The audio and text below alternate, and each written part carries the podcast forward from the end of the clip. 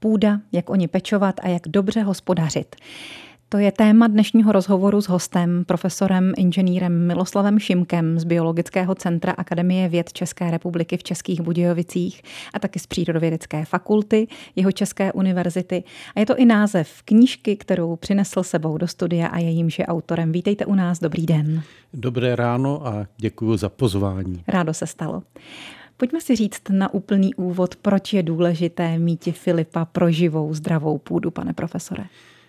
No tak ono se dá všechno dělat dobře i špatně a vidíme kolem sebe, pokud si dáme trochu práci a rozlídneme se a přemýšlíme o věcech, vidíme, že ne zdaleka o každou půdu se dobře pečuje, že se o ní nestaráme a ono to má potom řadu důsledků a bude mít v blízké budoucnosti. Takže proto je potřeba o půdu přiměřeně pečovat, jako o všechno, jako o vodu, abychom měli eh, aspoň přiměřeně čistou a zdravou vodu a tak je potřeba opečovat i o půdu. Vy se tomu tématu hodně věnujete, mám tady i publikace Zdravá půda pro budoucnost nebo Živá zdravá půda, to je prostě vaše téma. Jak si tu zdravou půdu představit? Tak zdravá půda je především živá, tak jak říká název jedné té knížky. Eh, oživená mnoha, mnoha eh, mikroorganismy a půdními živočichy. Většinu z nich neznáme, nebo like je určitě nezná, protože je nevidíme. Oni jsou příliš drobní. Ale nejde jenom o to, že jich je v půdě opravdu obrovské množství, ale o to, co tam dělají. No a ta půda, aby dobře fungovala, a my chceme například, aby, aby nám dobře rostly rostliny, aby nám na zahrádce, abychom se dočkali při dobrých úrod a podobně. Takže eh, k tomu, aby ty rostliny dobře rostly a aby půda plnila i další funkce, třeba v koloběhu vody, to je velmi důležité. Půda čistí vodu, zadržuje vodu. No, tak musí být v pořádku. A aby byla půda v pořádku, tak v ní právě musí žít a pracovat mnoho, mnoho mikrobů a mnoho půdních živočichů. A jak vypadá ta její protiváha, ta nezdravá až mrtvá půda? Dá se třeba i poznat na první pohled? No, eh, hlavně podle toho, že, vám to špatně, že, že tam špatně rostou rostliny, mm-hmm. plodiny. Eh, to je už potom, to už je, to už je to už je určitě ta půda poškozená, když si všimneme nebo vidíme, že prostě výnosy jsou poloviční nebo eh, prostě mnohem menší, než bychom chtěli a než očekáváme. Takže ty rostliny nám to dobře říkají. Když sklízíme úrodu, se kterou jsme spokojení, eh, na pohled je ta půda taky jako v pořádku, nezhledáváme žádný problém, no tak je asi e, všechno v pořádku a je to známka toho, že o půdu pečujeme, že prostě se o ní ten hospodář e, dobře stará. Čili ta opečovaná půda je kyprá, tmavší, provlhčená? No, tak ano, dá se to i takhle říct, ale zase i dobrá půda v létě může vyschnout, hmm. 14 dní neprší, že? takže ta půda už potom vypadá úplně jinak. Ale eh, ono je to naštěstí dobře v přírodě zařízeno a tak i taková sucha, pokud netrvají extrémně dlouho, tak, tak vlastně půdu nepoškodí. Ten půdní život eh, přežije. Některé mikroorganismy, ale i živočichové mají schopnost se jaksi usnout do takových klidových stádií, kdy celkem nic moc nepotřebují, nevyžadují, ale velmi brzy v řádu hodin nebo několika dnů maximálně, potom když přijde nějaký ten déšť, půda se zavlaží a podobně, tak ta půda ožije a opět funguje dál. Některé ty organismy taky mají možnost vlézt si hloub. Ano, utéct. kde, kde je trochu vlhčeji, kde se ta vláha udrží. Jak hluboko, kam až sahá ten život v půdě? Tak možná někoho překvapí, že když je půda dostatečně hluboká, to je, to je důležité, jak vlastně hlubokou půdu máme. Jo, známe půdy, které jsou hluboké desítky metrů, to je extrém. Jsou to ty nejúrodnější černozemě například, které vznikly na spraších, které prostě jsou, mají tu mocnost desítky metrů, i desítky metrů. Ale tady třeba v jeho českém prostředí kolem Českých Budějovic jsou půdy podstatně mělčí. Máme půdy třeba půl metru hluboké nebo metr hluboké. Ano. A pak už je matečná hornina. No, takže ty půdní organismy, ale i rostliny mají schopnost v podstatě využít celý ten půdní profil.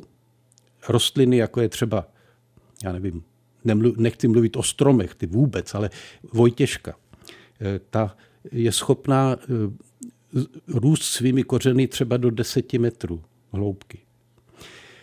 Trávy, ty zas naopak většinou okupují těch prvních 10, 20, 30 cm svrchní část půdy. A tak hluboko, to teď se dostávám k vaší otázce vlastně, tak hluboko, jak rostou ty kořeny rostlin, tak tak hluboko pronikají i půdní organismy. Tak daleko sahá život. Mm-hmm. A některé, jak jste správně řekla, jako třeba žížaly, dokážou se v té půdě docela, docela svižně pohybovat, mohou utéct, chovat se do těch hlubších vrstev, ale například mikroorganismy, které nemají ty nožičky a tak, tak ty tuto možnost nemají a právě proto si vyvinuli tu schopnost přežít i nep- tu nepřízeň počasí.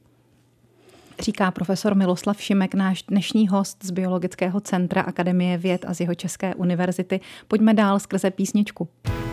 Dopolední host Českého rozhlasu České Budějovice. O živé a mrtvé půdě, tak jako o živé a mrtvé vodě možná. Tady dnes mluvíme s naším dnešním dopoledním hostem, profesorem Miloslavem Šimkem, který se právě kvalitou půdy a půdou pro budoucnost zabývá. Pane profesore, jak se stane, že půda zemře? Z jakých příčin umírá? Tak my mluvíme asi většinou teď tady o zemědělské půdě, to je o půdě, kterou primárně chceme využívat pro pěstování plodin. Ta půda nás živí. Ne, ne, nevím, neověřoval jsem si to, ale někde jsem si přečetl, že z půdy, z pěstování plodin pochází více než 95% potravin. Ten zbytek pak připadá na nějaký ty ryby a další mořský a vodní zdroje. Takže eh, půdu potřebujeme na to, abychom vůbec mohli tady na Zemi žít jako lidstvo. A jak už jsme si řekli na začátku, to využívání půdy pro pěstování plodin se dá dělat jako každá lidská činnost různě. To znamená, rozumně, správně i špatně. Rozumně i nerozumně. Ano, rozumně i nerozumně. Dokonce bych se nebál říct slovo neurvale. Jo. Půdy, některé půdy, a je to i u nás, přímo člověk drancuje. Využíváme je nadmíru. Prostě víc, než je správné. A to má jeden, jeden velmi zásadní jako rozměr. A to je budoucnost. Hmm. Blízká budoucnost. Já nemluvím o budoucnosti za sto let, ale prostě tyto drancované půdy postupně ztrácejí tu schopnost eh, nám poskytovat to, co chceme, to znamená ty plodiny, ty produkty a jak, to, jak se s tím vyrovnává takový nerozumný hospodář? Například velkými dávkami hnojiv, průmyslových hnojiv.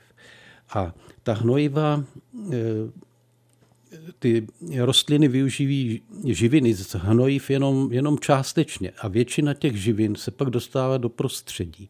Čili abychom, aby se vypěstovalo dostatek, tak se hodně hnojí. A to zároveň znamená, že hodně znečistujeme celé prostředí. Potom vodu a taky, aby se teda vypěstovalo, tak se používá stále více pesticidů. A ty pesticidy to jsou biocidy, čili látky, překlad český, že látky usmrcující život, jo? likvidující život. No a tyto biocidy spolu, není zemědělství jediným vynikem, spolu s dalšími látkami, které se dostávají eh, do prostředí jako kosmetické přípravky, prací, prostředky a další a další, no tak prostě eh, kolují v přírodě prostřednictvím vody, a dalšími cestami. A potom to, co jíme, to, co dýcháme, to, co pijeme, no tak obsahuje velké množství těchto opravdu škodlivých látek. Ty důsledky už vidíme třeba i na nejrůznějších civilizačních nemocech, kterými pak trpíme a tak dál.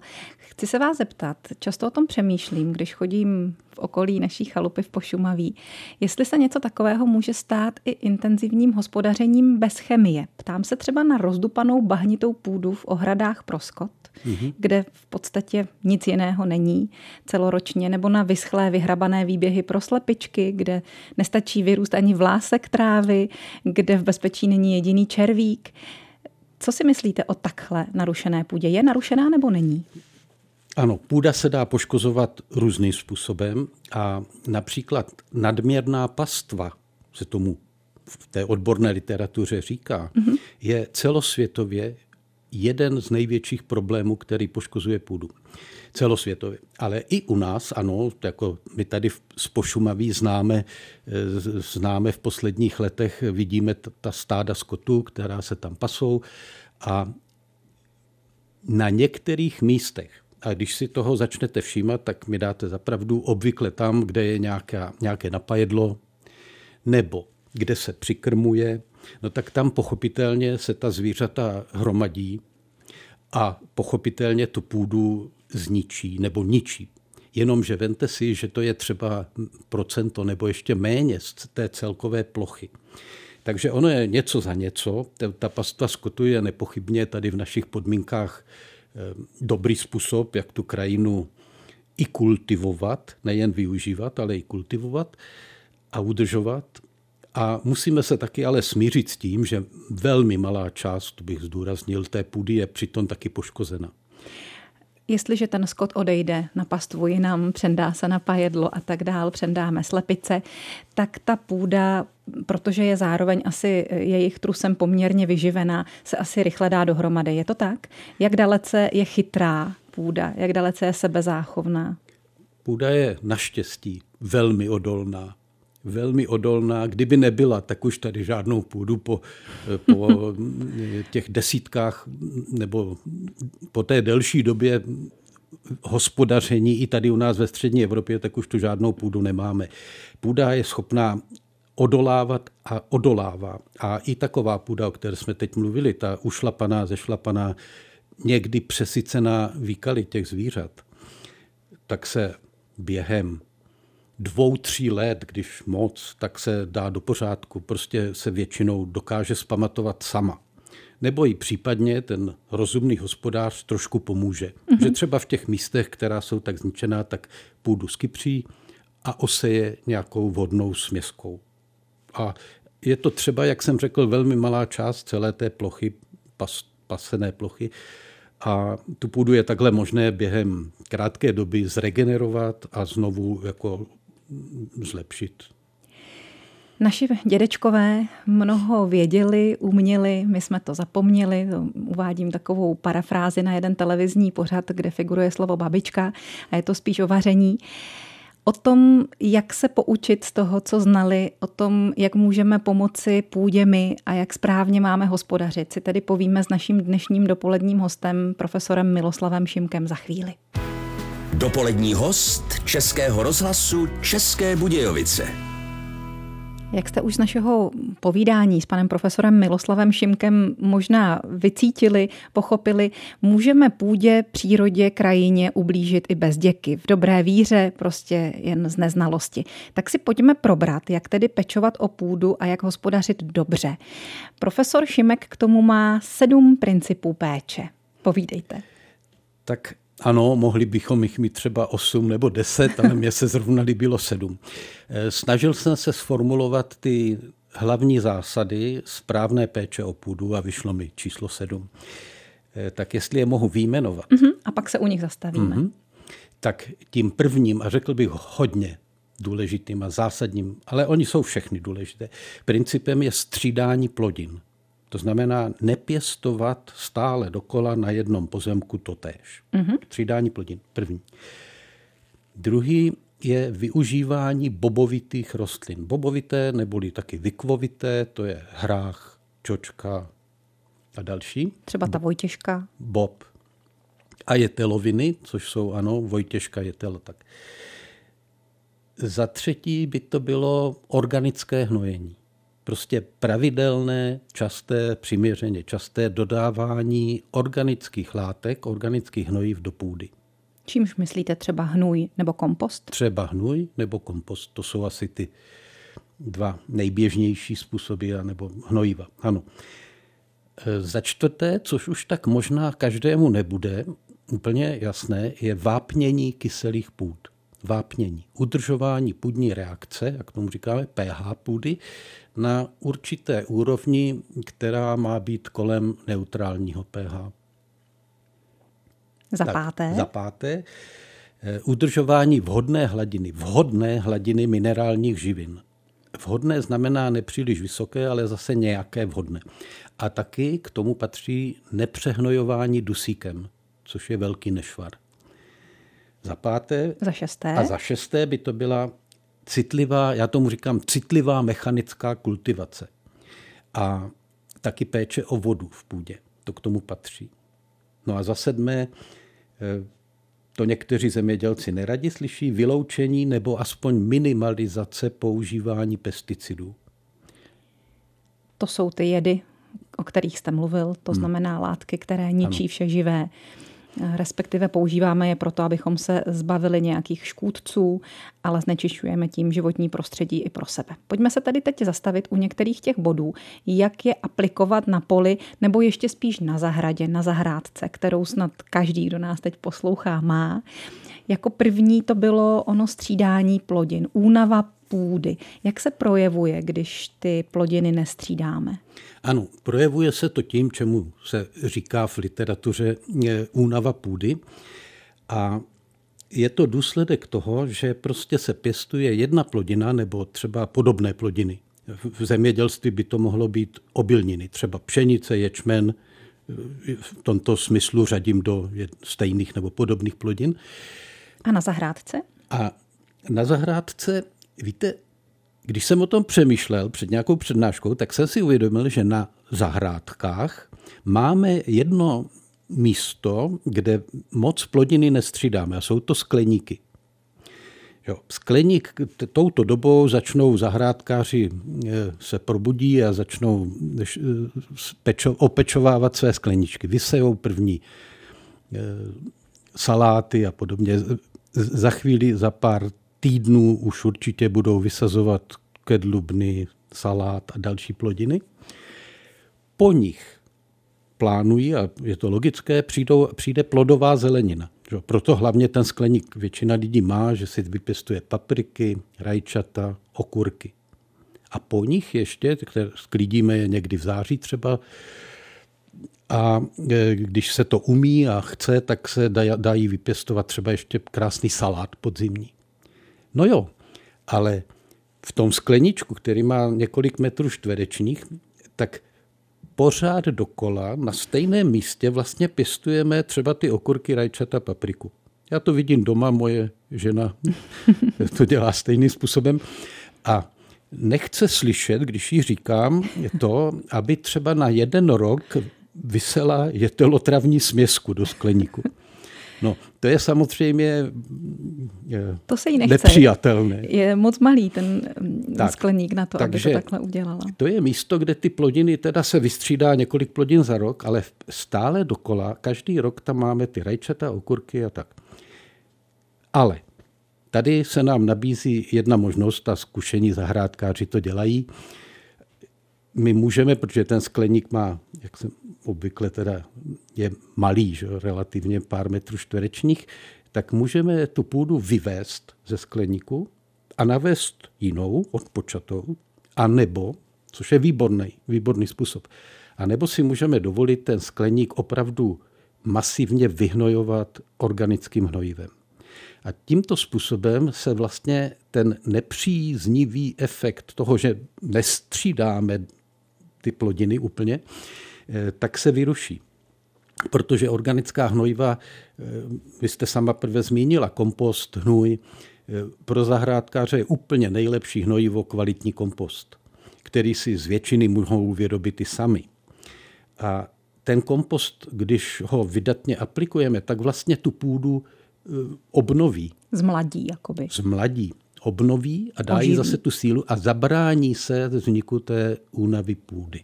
Přemýšlela jsem o tom, jestli na zahrádkách třeba střídat i trvalky. Nemluvíme jenom o té jakoby zemědělské produkci, jenom o plodech. Na zahradách máme i květiny. Vyplatilo by se i ty trvalky, které si tam najdou svůj prostor a obývají ho třeba desítky let, měnit? Ano. Ano, e, ta únava půdy platí i pro ty trvalky, nebo pro květiny, pro rybíz, pro e, tento typ, e, pro maliny. Mm-hmm. Určitě by nebylo úplně dobře pěstovat rybíz třeba, jak jste řekla, desítky let stále. On vám tam už pak neporoste dobře, i když ho budete přihnojovat a tak. Prostě eh, ta půda se unaví, budeme-li používat toto slovo, a chce to změnu. No a na polích tam, eh, tam je to trochu jinak, ale ten princip je stejný. Prostě eh, dobrý hospodář střídá plodiny. Říká se tomu osevní postup. A ten, ty osevní postupy e, jsou základem e, jaksi dobrého hospodaření. Bohužel u nás například naše průmyslové zemědělství e, moc tyto, tento princip správného střídání plodin nedodržuje. A dohání to těmi umělými hnojivy. Ano, například. My jsme před chviličkou, když jsme vysílali zprávy, tak jsme se zrovna zmiňovali o protestech českých zemědělců. Pokud vím, tak jedno z témat, které teď oni řeší, je nejenom střídání plodin, ale taky eh, jistá povinnost, která by měla nastat proto nechávat půdu ladem, nechávat jí ležet a odpočinout. Naši předci to dělávali, pak se od toho odešlo. Doporučil byste to nechat prostě pole nebo část, třeba třetinu toho pole každý rok být? Můžu začít trošku ze široka? Začněte. Otázkou. Eh, máme půdy dost? Máme zemědělské půdy dost? Máme, myslím tím, nás, Českou republiku. Čili narážíte na to, že si nemůžeme dovolit nechávat je ladem? To jsem ještě neřekl. Otázka zní, máme půdy dost? Odpověď je zatím ano. A já bych řekl, že zatím máme půdy dost i na to, abychom jí nějakou menší část, 5%, nechávali ladem. A střídali to samozřejmě. Tuhle, tohle políčko, nebo tohle, tuhle část, tenhle pozemek necháme teda tři, tři roky ladem a pak, eh, pak eh, to prostřídáme. A, tak proč ne? Pokud si se zhodneme na tom, že máme půdy dost. Eh, v Evropě tak všeobecně řekněme, v Evropě je určitá nadprodukce zemědělských produktů. To znamená nejen Česká republika, ale platí to i Evropa má půdy relativně dost. Vypěstujeme víc, než kolik spotřebujeme. Dalo by se tak říct. No jo, ale vemte si, jako to už zabrousím do jiných, jiné oblasti, ve které se moc dobře ne, neorientuju, ale vemte si, že desetina, desetina lidstva trpí hladem. Hmm. Jo, z těch 8 miliard se odhaduje, asi 800 milionů lidí se nenají dostatečně. Takže máme půdy dost jako lidstvo? Ne.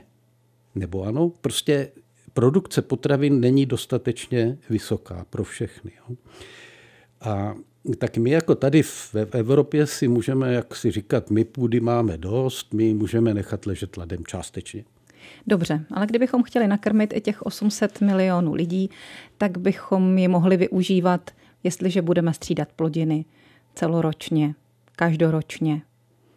Ano, a ty, ty zemědělské produkty, které bychom měli jako navíc, no tak prostě dát k dispozici těm, kde jim schází. No. Ale to už je trošku, nechci říct utopie, ale prostě takhle to nějak moc nefunguje, jak hmm. vidíme potvrzuje profesor Miloslav Šimek, náš dnešní dopolední host. Dopoledním hostem Českého rozhlasu České Budějovice je dnes profesor inženýr Miloslav Šimek z Biologického centra Akademie věd a taky z Přírodovědecké a zemědělské, jak jsem předtím eh, zapomněla říct, fakulty jeho České univerzity v Českých Budějovicích. Mluvíme o zdravé půdě, o tom, jak ji mít i na našich zahrádkách, aby nám plodili a aby nám dělali radost. Z jeho sedmi principů péče o půdu už jsme jmenovali střídání plodin, pak tady máme eh, pěstování bobovitých plodin, o kterém jsme už taky se zmiňovali zmiňovali organické hnojení, taky o tom padlo pár slov. Pojďme teď k vápnění kyselých půd. Sám jste říkal, pane profesore, že to lidi překvapuje. Já jsem se jednou taky divila, proč můj bratr po zahradě rozhazuje vápno a on mi na to odpověděl, aby tady nebyl mech. A já jsem eh, na to reagovala, a co máš proti mechu? proč vápnit? Tak já bych možná reagoval stejně. V těch, v těch trávnicích měmech tak moc nevadí a navíc to vápnění ho nezničí. Možná ho trošku potlačí. Ale proč půdu vápnit? To je, to je velmi důležitá věc. Jako myslím si, že většina zahrádkářů ví, že by měla hnojit tím hnojem, kompostem a tak. Ale já jsem si jednou dělal takový průzkum a zjistil jsem, že ne zas tak každý ví e, o tom vápnění. Totiž půdy se tím, že na nich pěstujeme něco, nejen vyčerpávají o ty živiny a musíme dohnojovat, ale také klesá půdní pH. A jako všechno, i ty rostliny prostě e, mohou mít jako dobré prostředí nebo nějaké špatné, zhoršené. A když klesá půdní pH, tak se to prostředí pro rostliny zhoršuje, i pro půdní organismy. A ty plodiny potom e, hůř rostou. Takže e, mělo by být jako věcí toho zahrádkáře i o tuto stránku pečovat a ten, když to trošku chemismus půdy, jak tomu možná říkáme, eh, taky udržovat v dobrém stavu. A jednoduchým opatřením je pravidelné vápnění. Jak často a kdy? Tak, eh, jednou za dva, tři roky třeba. A čím ještě bych řekl? Ano. Mletým vápencem. Dá se vápnit v podstatě každým vápenatým hnojivem, je jich více, ale ten mletý vápenec je pro zahrádkáře ten nejvhodnější. Také to většinou jsou dolomitické vápence, ty obsahují vápník a horščík. A obě ty živiny, vápník a horščík, eh, tedy oba ty prvky jsou nejen, nejen působí dobře proti tomu snižování pH, ale taky jsou významné živiny, to jsem chtěl říct. Mm-hmm. Rostliny jich hodně spotřebují, takže eh, dodáváme vlastně nejen, že pečujeme o pH, dodáváme i vápník a horčík a oba ty prvky taky velmi dobře působí v půdě. A i my je potřebujeme a sníme je pak no, s tou zeleninou, taky, samozřejmě. Ano, ano. No a e, v jakém období není zrovna teď před jaří k tomu ideální čas? Je to, je to v podstatě jedno, kdy to umožňují ty pěstované plodiny. Teďka je určitě vhodný čas, ale stejně vhodný je na podzim. E, na trávníky je to doslova jedno, v podstatě kdykoliv Eh, možná, když v období, kdy očekáváme, že bude víc pršet, protože když pohodíme ten mletý vápenec po trávníku, tak ten eh, déšť ho potom spláchne na povrch půdy a on se postupně, byť je to hornina, vlastně vápenec, tak se postupně rozpouští a ty vápník horčíka tak se dostává do té půdy.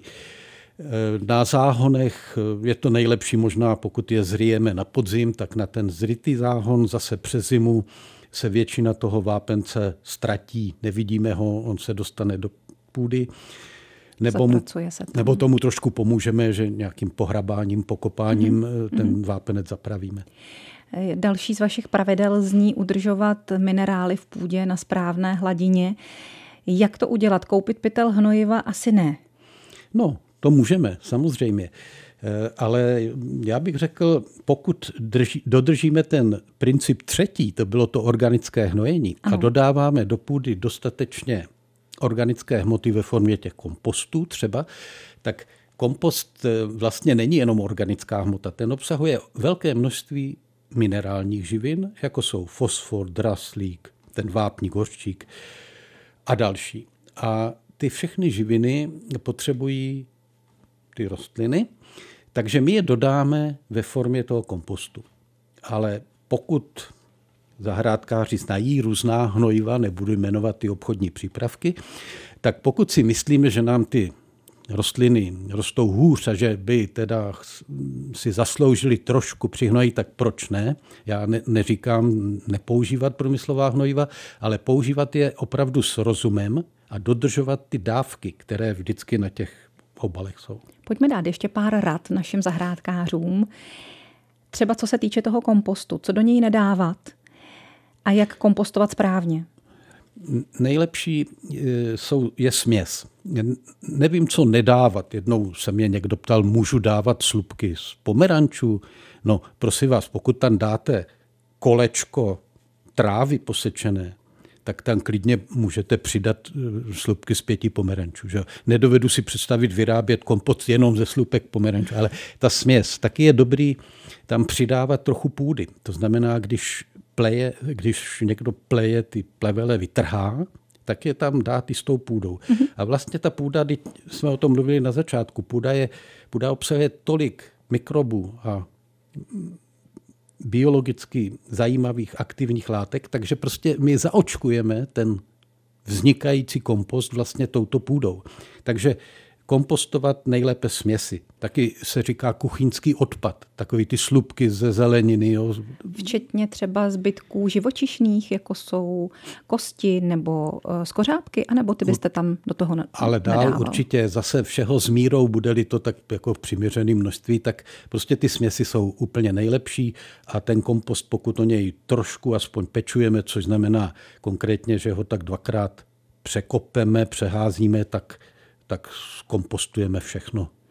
Citlivá mechanická kultivace a hospodaření s vodou je taky jeden z bodů, který jsme jmenovali. Já jsem si tady u toho poznamenala otázku sekat či nesekat a jak mulčovat správně.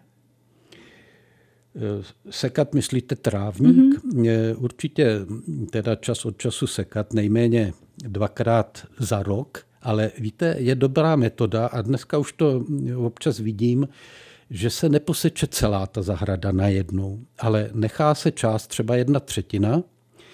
Eh, ty byliny, většinou jde o směsi tráv a bylin, eh, tak ty byliny dozrají, můžou se vysemenit, eh, dávají výborný prostředí pro hmyz a pro další živočichy.